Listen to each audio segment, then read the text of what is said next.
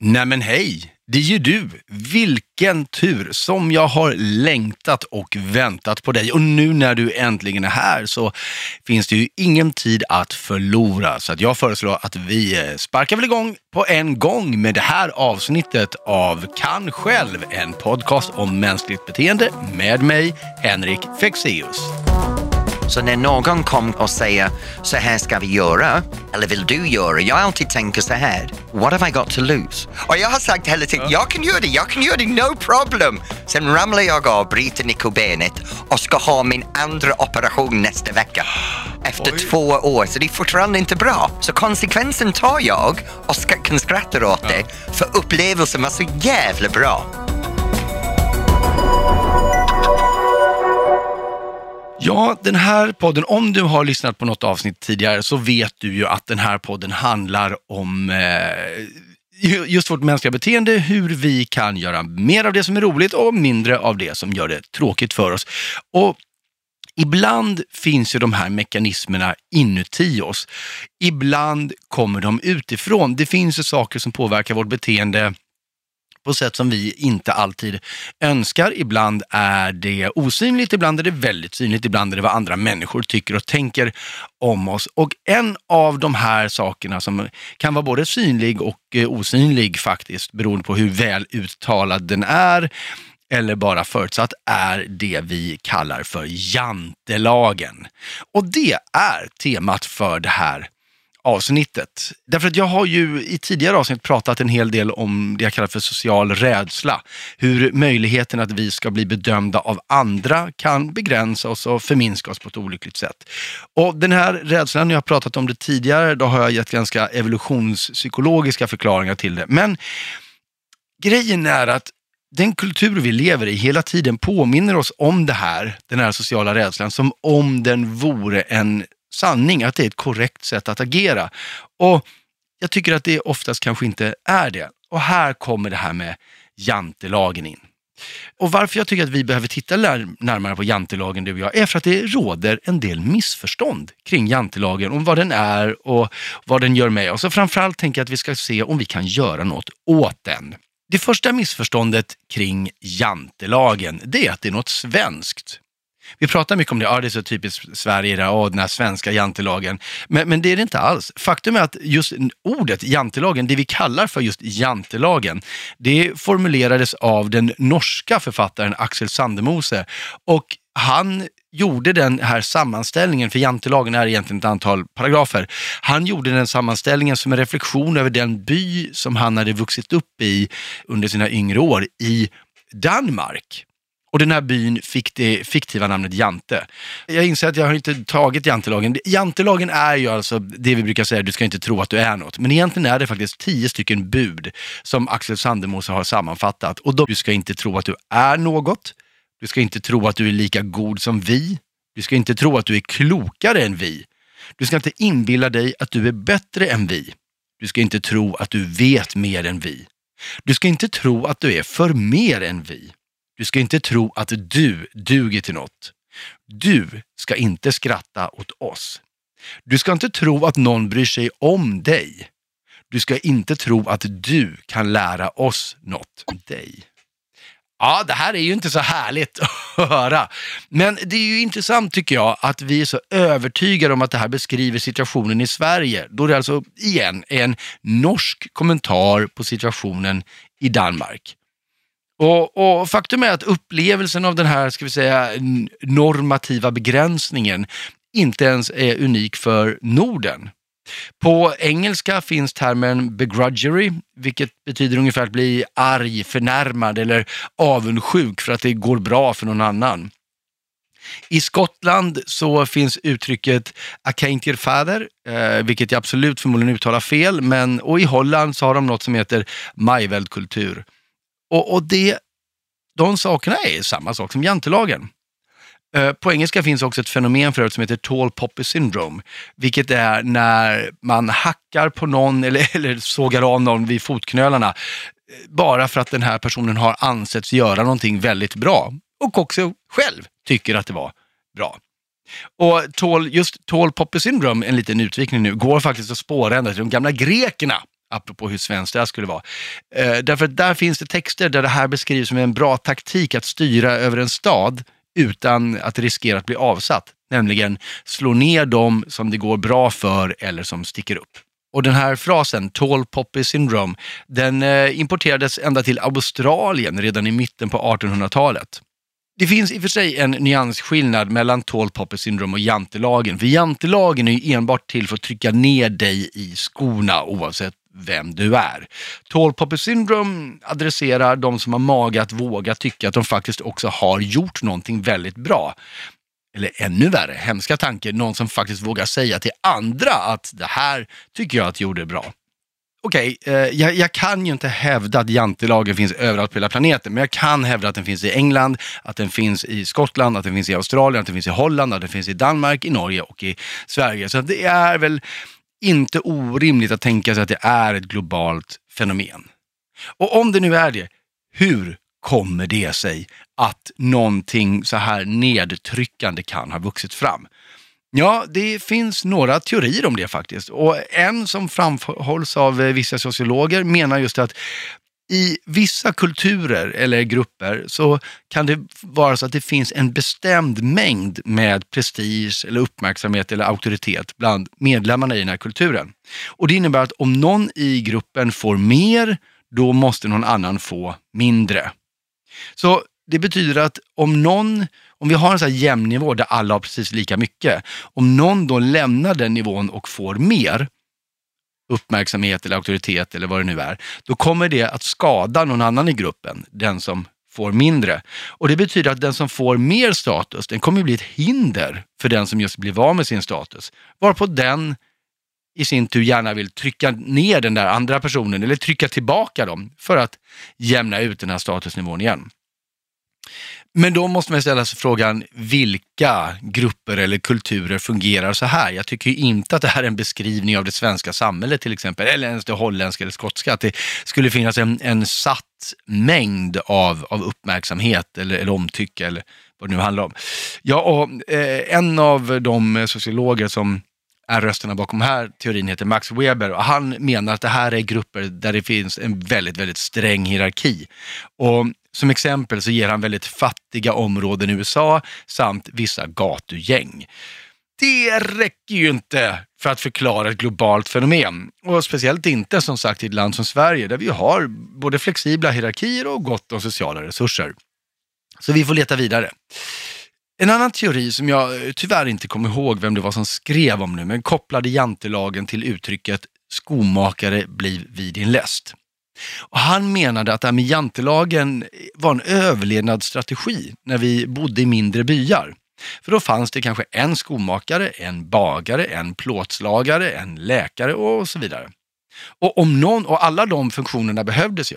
Om någon av dem då fick idén om att göra någonting annat istället eller sticka ut på ett äventyr så skadade det byns infrastruktur. För då fanns det inte längre någon som kunde göra skor eller slakta korna.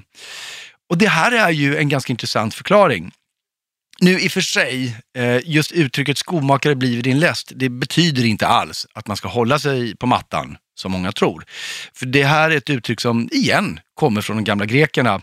Och Det finns en historia där en målare vid namn Apelles eh, var på en utställning, eller han var på en utställning, han höll en utställning. Och då ska han ha fått eh, kritik på en av sina tavlor mot en sko, från en skomakare. Och den här skomakaren hade först börjat kritisera själva eh, skorna på bilden, vilket ju var eh, korrekt. Men sen började han också kritisera sko, eh, hela konstverket i allmänhet. Och då ska Appell, eh, appelles ha utbrustit på latin, sutor ne ultra crepidam. Ungefär, eh, skomakaren ska inte bedöma något annat än skor. Så uttrycket skomakare blir vid din läst, som man menar kommer från den här berättelsen. Det har alltså ingenting att göra med att man bara ska göra det man kan och inte få några nya idéer. Det betyder att man inte ska uttala sig om saker man inte vet någonting om. Det är det det betyder. Hur som helst, det, det där var en utvikning. Så att ja, det skulle kunna finnas en förklaring att jantelagen håller ihop samhället på något sätt så att det inte kollapsar. Någon form av samhällsuppehållande funktion och att, och att det är jantelagens grund. Men om den nu har en sån grund, kan inte det vara bra då? För vi klagar ju på jantelagen hela tiden, men måste den vara dålig? Ja, eh, och det är en bra fråga tycker jag. I Sverige så har den i alla fall en beskyddare. Alex Schulman, som eh, jag tycker är en intelligent herre och ofta skarpsynt, skrev i en krönika i Aftonbladet för några år sedan så här, och jag läser högt här. De flesta tycks vara överens om att jantelagen är dålig, att det är något vi borde bli av med. Hur kunde det bli så? Finns det inte i själva verket något ganska vettigt här? Är det inte en ganska sund inställning att inte tro att man är någon? Kanske har jantelagen gjort svenska folket till bättre människor. När jag gör en mediasökning upptäcker jag att två av dem som använder ordet jantelagen flitigast i landet är Björn Ranelid och Erik Saade. De säger att jantelagen har avundsjuka i botten. Jag tror det är helt fel. Vi är inte avundsjuka på Erik Saade eller Björn Ranelid. Vi vill bara att de håller snattran en liten stund, att de slutar babbla om sin egen förträfflighet. Och det är väl vettigt? Jag tror att jantelagen gjort och gör ett hästjobb för att hålla de värsta skrävlarna och skrytmånsarna borta och därför vill jag hylla att den finns. Vi ska vara stolta över vår fina svenska jantelag. Ja, så skrev alltså Alex och det han syftar på, i alla fall mot slutet, är just det här tall poppy syndrome, att hugga ner de som vill sticka ut. Men det behövs inte en hel jantelag för att inte tycka illa om skryt. Skryt har aldrig varit ett trevligt karaktärsdrag. Och det, att tycka illa om skryt, det är långt ifrån samma sak som att tro att man är någon. Och jag blev faktiskt lite ledsen när jag läste den här raden. Är det inte en ganska sund inställning att inte tro att man är någonting? För det går helt emot vad vi vet om det mänskliga psyket. Vi har massor av så kallade positiva kognitiva illusioner om oss själva. Och vi är programmerade till att tro att vi är något. De flesta tror att de är bättre bilförare än genomsnittet, att de har bättre humor än sina vänner och är lite smartare än sina kollegor. Vi kastar oss in i nya projekt med orealistiska förhoppningar om hur bra det kommer att gå, för att vi tror helt enkelt att vi är någon. Dessutom har vi någonting som heter spotlight-effekten. Vilket innebär att vi tänker ju mer på oss själva än vad alla andra gör och därför upplever vi att vi själva är lite viktigare än alla andra. Och de här positiva illusionerna, som de kallas, de är bra för oss. För det är just den här positiva bilden om oss själva, även om den är en smula ogrundad, så är det den som gör att vi vågar ta de här dödsföraktande kliven som krävs för att ta samhället, kulturen och hela människan framåt. Det jantelagen vill istället, det är att upprätthålla status quo. Och jag vet faktiskt inte om det var speciellt smart ens i samhällena som bara hade en skomakare och en plåtslagare.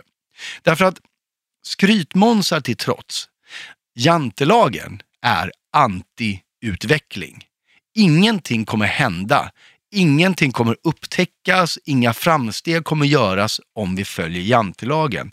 För den inte bara säger vad du ska göra och inte, den hotar dig om du inte gör som lagen säger. Kom ihåg det elfte budet. Tror du inte att vi vet någonting om dig? Och dessutom, och nu kanske vi kommer till pudelns kärna här, dessutom står jantelagen för något annat viktigt. Den kräver att du infogar dig i de regler och de normer som andra har bestämt. Men vad är det som säger att de reglerna och normerna är de bästa? Eller ens de rätta? Det här diskuterade jag ju, inser jag nu, med, med Hampus Nessvold i avsnittet om stereotyper och det var ju precis det här som var problematiken. Och dessutom är det ju så att idag lever vi i ett samhälle där vi uppmuntras att uppfinna oss själva. Vi får veta att alla är olika och att alla kan sträva mot sina egna mål och drömmar. Att i en sån värld samtidigt befinna sig i någon form av mental kontext där alla de eh, uttryckssätten eller dragen förtrycks. Det är ju direkt skadligt för vårt välbefinnande. Så att jag tror att vi måste göra upp med den här jantelagen en gång för alla. Och jag har några idéer om eh, hur vi kan göra det. Men innan det så vill jag hälsa välkommen dagens gäst, nämligen Tony Irving. Välkommen hit Tony! Ja, tack så mycket. Vad roligt att ha dig här. Jag är glad att vara här. Ja, Det ska vara roligt att prata med dig. vi får väl se. Nej, men det hoppas jag. Jag eh, är nyfiken på en sak direkt med dig, för att jag brukar göra så här, uh, att uh, jag börjar, brukar dra gästens CV, liksom, så att alla vet vad vi pratar om. Och redan där när jag läste på om dig så fanns det grejer som jag sa, okej, okay, check, det här måste jag prata om, det där måste jag fråga om. Uh, men jag inser att, jo, jag tänker börja med det helt enkelt. Och så kommer CV-grejerna efterhand. Ja. Så. Därför att du växte upp i England i en liten by som heter Ainsworth. Ja. Och om jag förstod det här rätt så gick du i kyrkskola där. Ja, det gjorde jag. Men det var också så att i det här samhället så var dans någonting som uppmuntrades. Alla ska dansa socialdans. Det var inte bara i det här samhället. Nej. På 60-talet när jag föddes i England var det fortfarande det här, vi ska ha grundläggande vett och etikett och social kompetens. Ja. Och pardansen var någonting som man gjorde fredag, lördag kväll. Du vet, min samhälle var jag kom från, hälften var folk som jobbade i fabrik och hälften var folk som jobbade på bondgård. Mm. Så det var väldigt mycket en, en grassroots working class mm. kan jag säga. Mm. Och då var det på fredag kväll man satt på sig sin bästa kostym, gick ut och dansade och då dansade man pardans. Just det. Men i pardansen så kom det väldigt många social vett och etikett. Ja. Det är det här med hur en man ska uppföra sig, hur han ska hålla en kvinna, hur han ska fråga om lov, hur man ska ha respekt för varandras kropp. Och på den tiden, på den tiden, jag låter som det är stenåldern, men på den tiden så insågs det att det här var väldigt viktiga saker att en man ska, ska lära sig. Så att, att kunna få dansa en vals och foxtrot och en, en liten jive, det var förväntat. Mm. Men det betyder att det fanns ju inget så eh, stigmata överhuvudtaget kring dans? Ja, både ja och nej. Okay. Runt pardansen som en social form, då mm. var det alla karlar ska göra det här. Det var manligt. Ja. Men runt ett uppträdande med dans, att stå på scenen med dans, där gick gränsen. Okay. Så, så fort som man började prata om, jag står på scen, då var det, här kommer fjollen fram. Oh, det var ja. så? Okay. Ja, gud ja. ja. Där hängde du ett tag och du växte upp där? Jag växte upp där. Ja. Uh, jag flyttade därifrån när jag var 16. Just det. Uh, mest på grund av min, min förälder ville ha att jag började plugga. Mm. Men sen gifte jag mig när jag var 17 och då flyttade jag ordentligt. Mm, för, och var det, eh, vart flyttade du då? USA. Då kom du till USA? Ja. Och där började du tävla? Nej, jag redan tävlade innan. Ah, jag, det? hade, jag hade aha. tävlat innan. Men i USA så tävlade jag, jobbat med en liten showdance-kompani och sen undervisade jag. Right. Och sen så och sen var i USA ett tag och sen så när du kom till Sverige. Här är också, jag vet att du blev svensk mästare 2001, 2002, 2003, men också redan någon gång på 90-talet va? Inte svensk mästare. Uh, jag har tävlat för fyra olika länder. Så jag har ah, representerat England, USA, Taiwan och uh, Sverige. Jösses. Uh, yeah. Och sen, och sen naturligtvis eh, blev du hela folkets Tony då i med, med Let's Dance. Ja, det verkar som det. Ja. och vad, men vad jag tror att många inte vet är att du faktiskt var med och utvecklade formatet från början, från den brittiska förlagan och var med och tog det till Sverige. Vad, vad hände det var att SVT hade tackat nej till programmet. Mm. Och då satt jag där, Ann Wilson ringde mig, hon var med i programmet i Danmark. Och hon var jätteförvånad att Sverige ska inte göra det. Och jag har en väldigt bra vän som jobbat på Meta TV, mm. så, som heter Nicky Johansson. Så jag ringde Nicky och sa, du kan vi göra något med det här? Så vi bollade fram och började pitcha till fyran och pusha fyran och på sån väg aktiverade fyran sig och tog in formatet. Men jag jobbade för Meta och de gav bud, äh, efter budgivningen så gav de produktionen till Mastiff. Mm. Så fyren bad mig att gå och jobba för Mastiff. Så jag jobbade ett år för Mastiff inom programmet med, som uh, dansdirektor och uh, formatutvecklare. Wow. Ja. ja. Så eh, tack Tony helt enkelt för Let's Dance. Ja, tack, ja, jag tackar mig själv för den varje dag, det kan jag säga. Men, och sen har det ju varit massa andra saker också. Du har skrivit tre böcker om dans. Eh, det har varit andra tv-program, eh, framförallt kanske, jag tänker på Camping Queens med Jonas mm. Hallberg, eh, som också blev jättesuccé. Du var också programledare för kväll ett tag, vill jag minnas. Det var jag. Ja. Det var där du och jag träffades första gången ja. om jag minns rätt. Ja, du ser. Och så undervisade du förstås.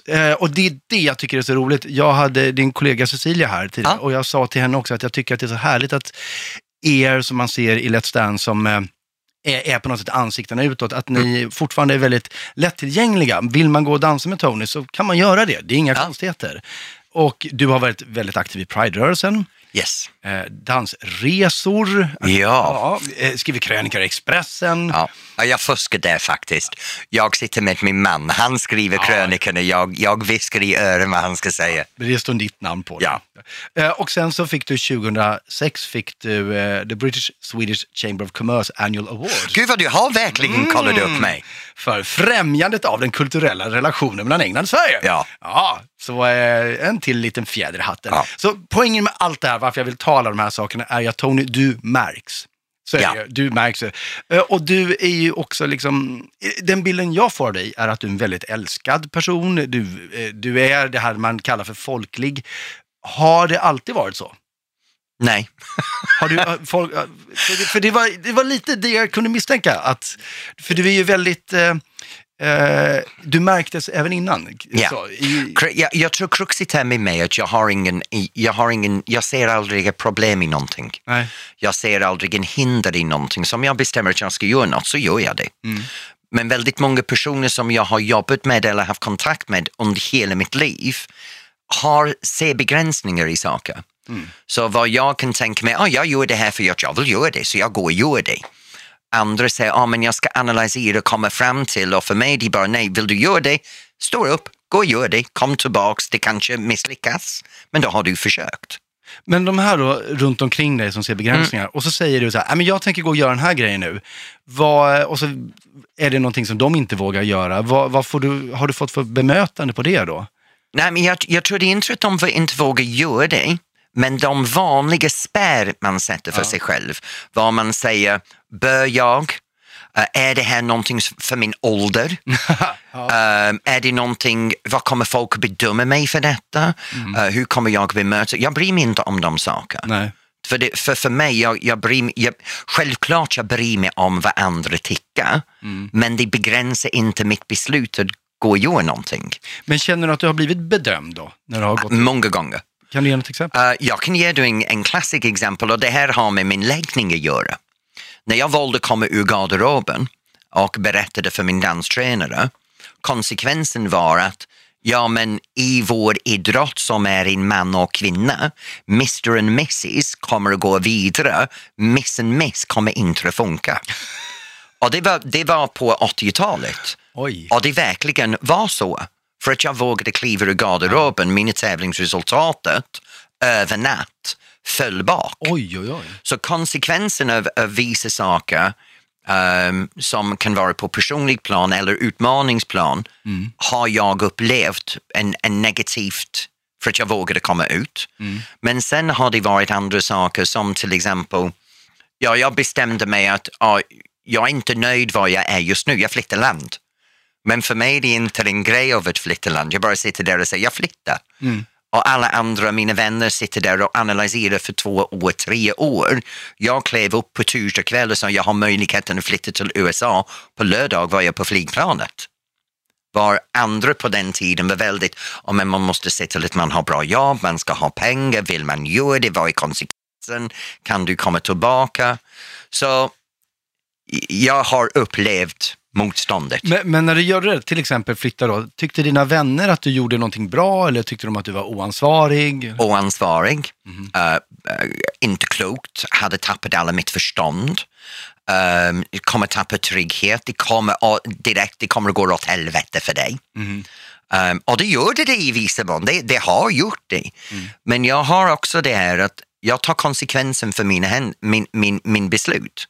Så så länge som jag inser att jag gör det här men om det går åt pipen, jag skyller på mig själv och fixar det. Då för mig är det inget problem att göra saker. Nej. Det bara är ett problem om jag kan inte handskas med det, ta ansvar och ta konsekvensen. Men för vi har ju det här, ursäkta, vi, vi har ju det här, ja, det svenska eller egentligen norska ordet jantelagen, Mm. och, som egentligen går ut på att du ska inte tro att du är något. Framförallt du ska inte tro att du är mer än vad vi är.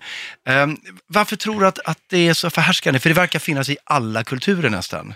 Och jag, Egentligen, jag, jag märkte det mest när jag kom till Sverige, för efter tio år i USA var man ska skryta och sälja sig själv. Mm. Man står där och säger jag är störst, bäst och vackrast, jag kan allt, jag vet allt och jag är bäst på allt. Och det gjorde man för att få jobbet. Ja. Eller komma fram. Armbågarna ut, släpp mig fram. När jag kom till Sverige, det första jag gjorde när jag började undervisa klubben här i Stockholm, jag skrev en resumé på klubbfesten med alla dansare och föräldrar så hade jag fotokopierat upp det och gav varenda person på festen en lista av det här är vem jag är. Oj, oj, oj. Så det här får ni på din klubb nu, så tänk hur jävla bra ni har det.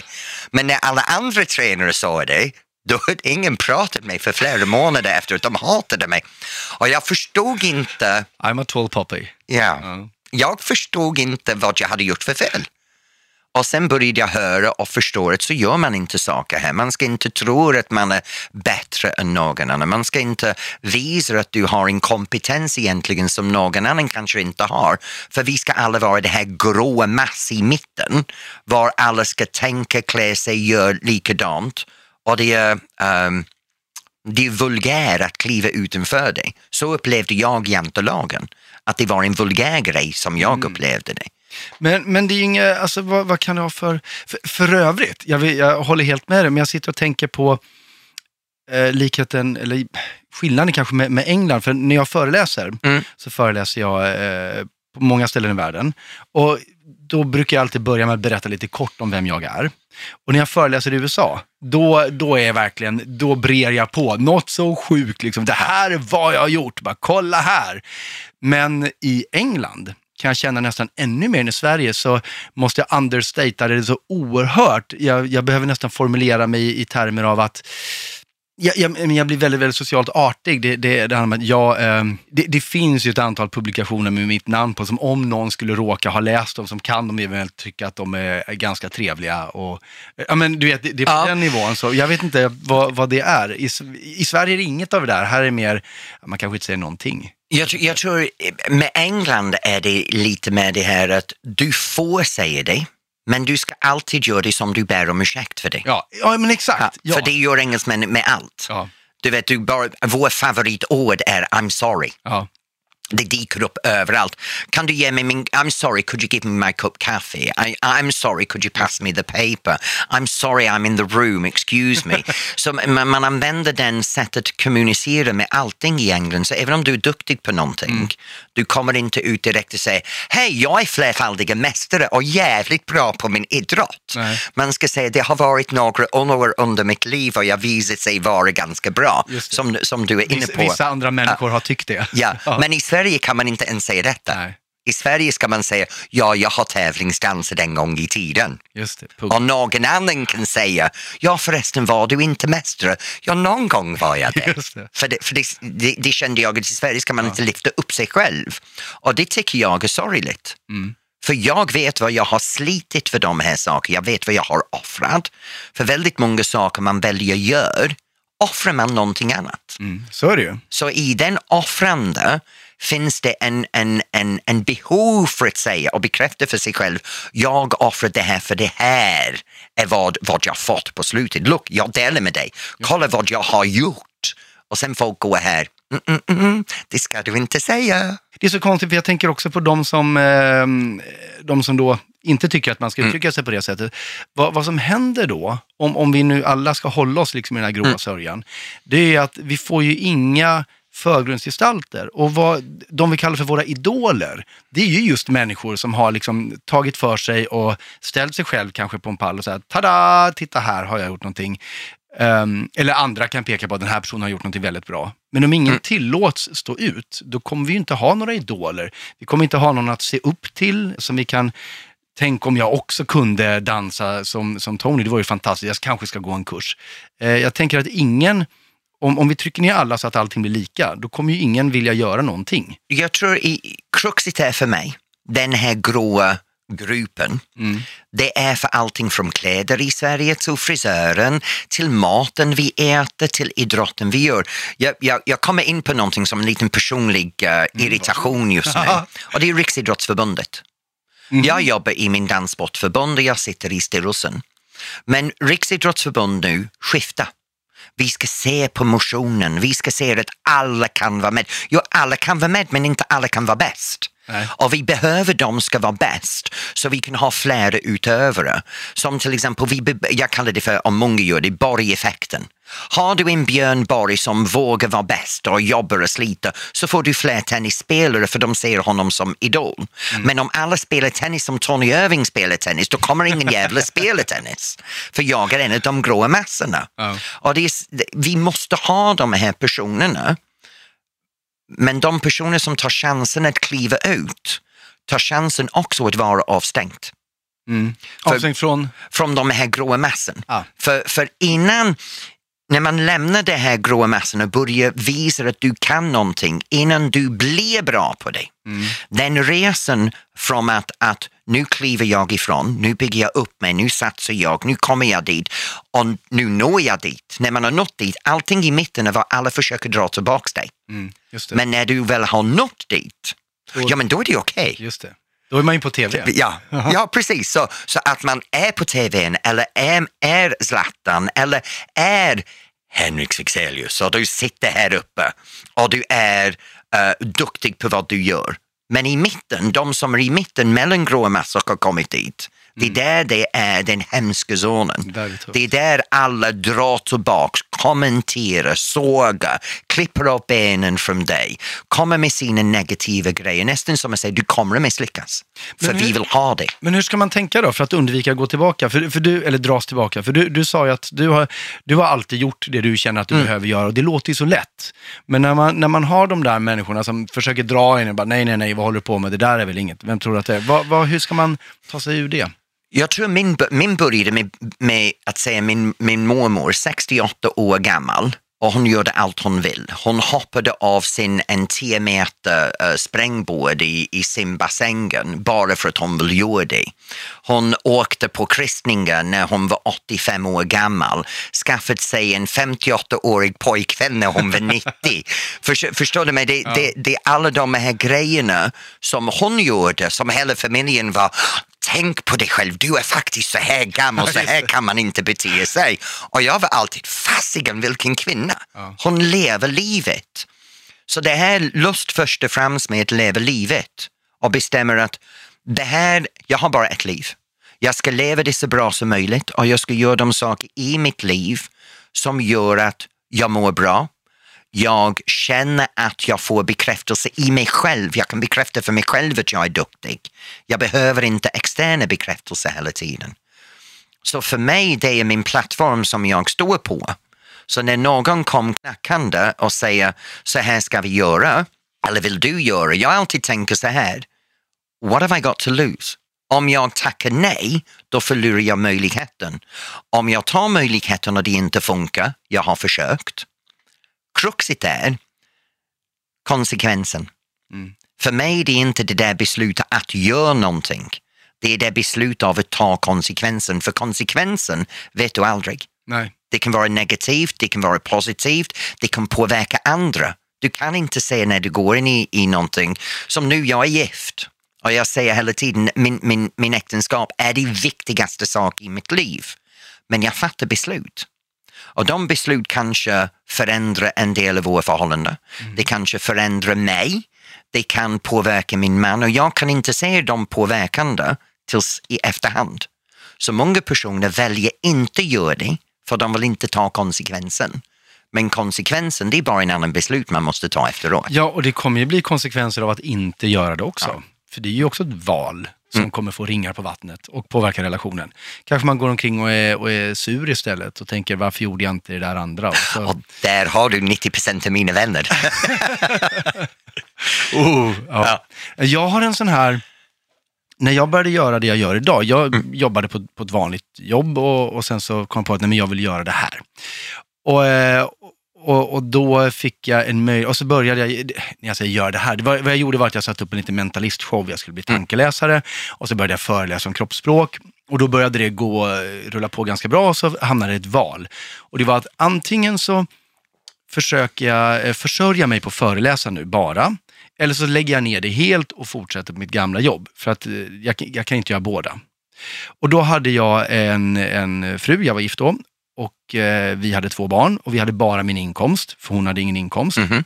Så i det läget, att säga upp mig från jobbet för att göra någonting som jag ännu inte hade jättemycket pengar på, men som tog tid, var ju åtminstone ekonomiskt ett väldigt eh, oansvarigt beslut, skulle man kunna tycka. Ja.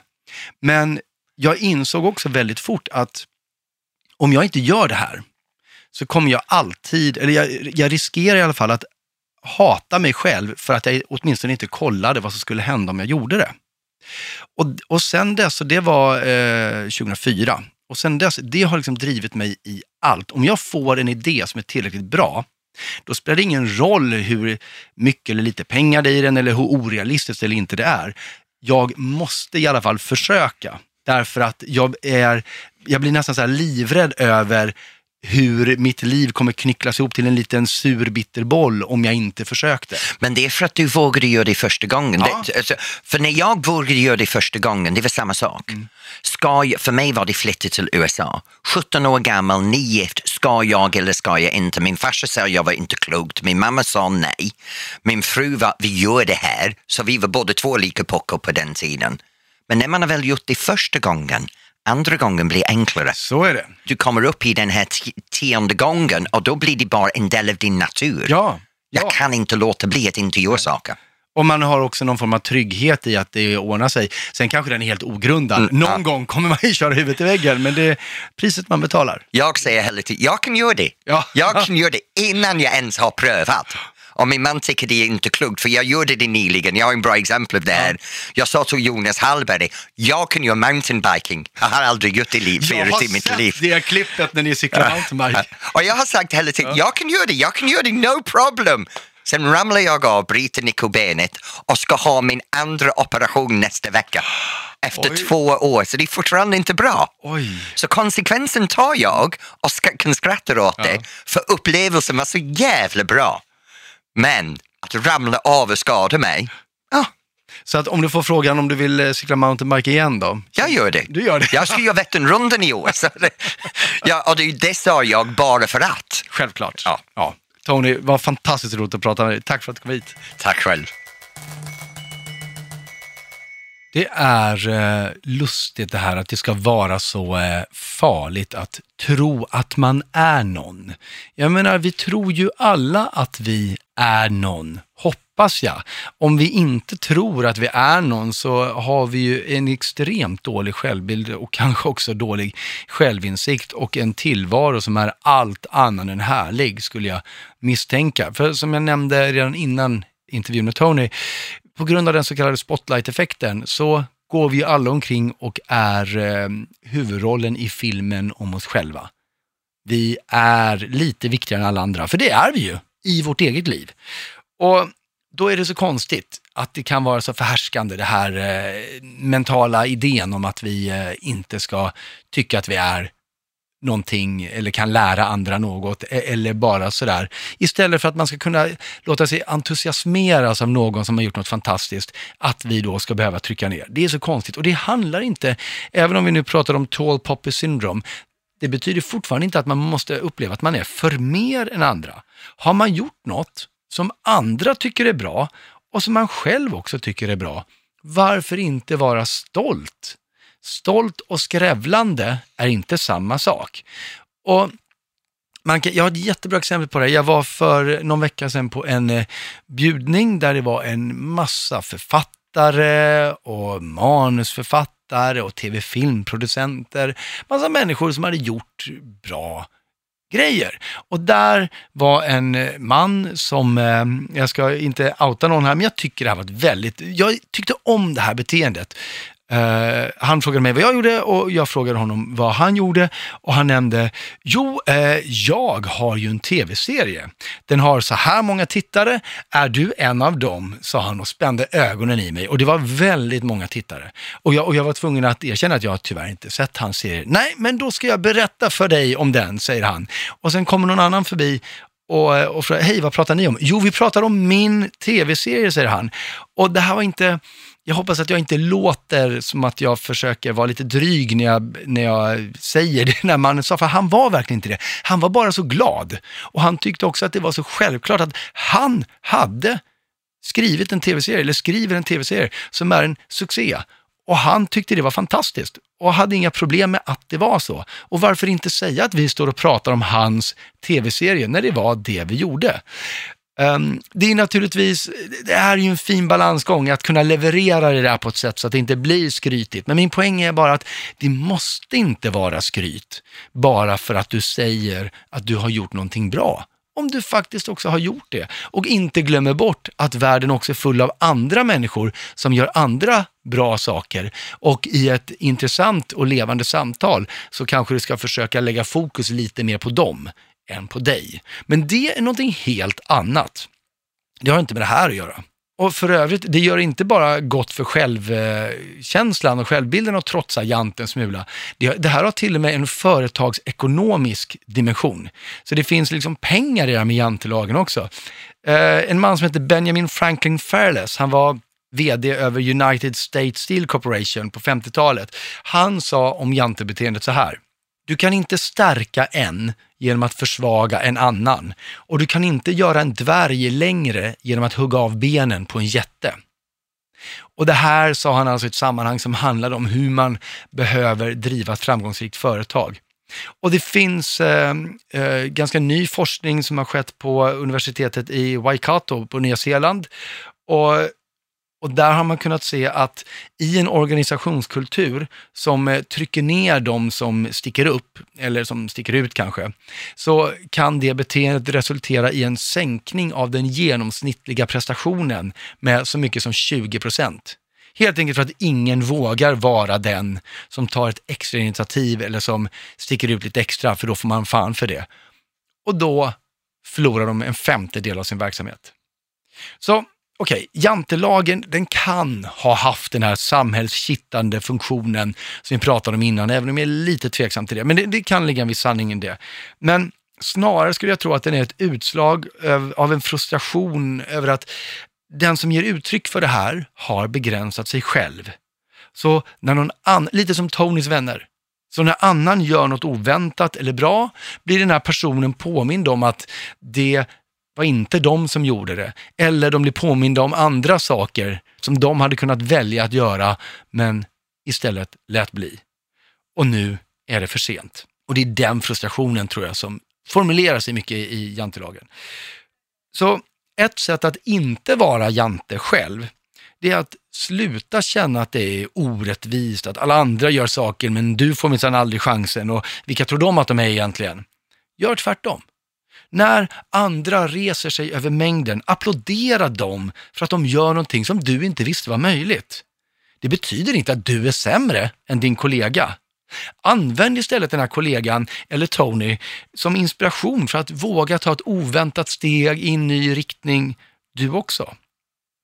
Och om du skulle röra dig just nu i en miljö där jantelagen är väldigt förhärskande, så ta dig därifrån. Det går snabbast. Ge inte de här människorna av din tid och din uppmärksamhet, för det kommer bara göra dem ännu argare. Sluta häng med de vännerna, byt det där jobbet, flytta från det där stället. Och jag vet att det här är jättelätt för mig att säga, byt jobb. Och det är väldigt svårt att göra. Det kan vara nästan omöjligt ibland.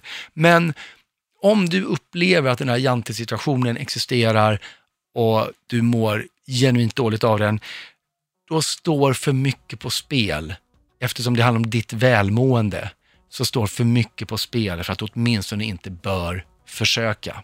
Så eh, tills vi hörs igen om sådär en vecka hoppas jag att du inte stöter på några jantebegränsande människor och gör du det så ta ett djupt andetag och och eh, följ det tyska ordspråket som säger vad bryr sig tuppen om vad hönorna säger. Och med de lätt elitistiska orden så avslutar vi idag tror jag, för du har lyssnat på Kan själv med mig Henrik Fexeus och jag hoppas verkligen att vi hörs snart igen. Hej då!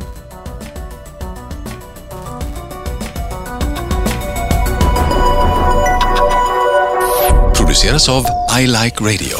I like radio.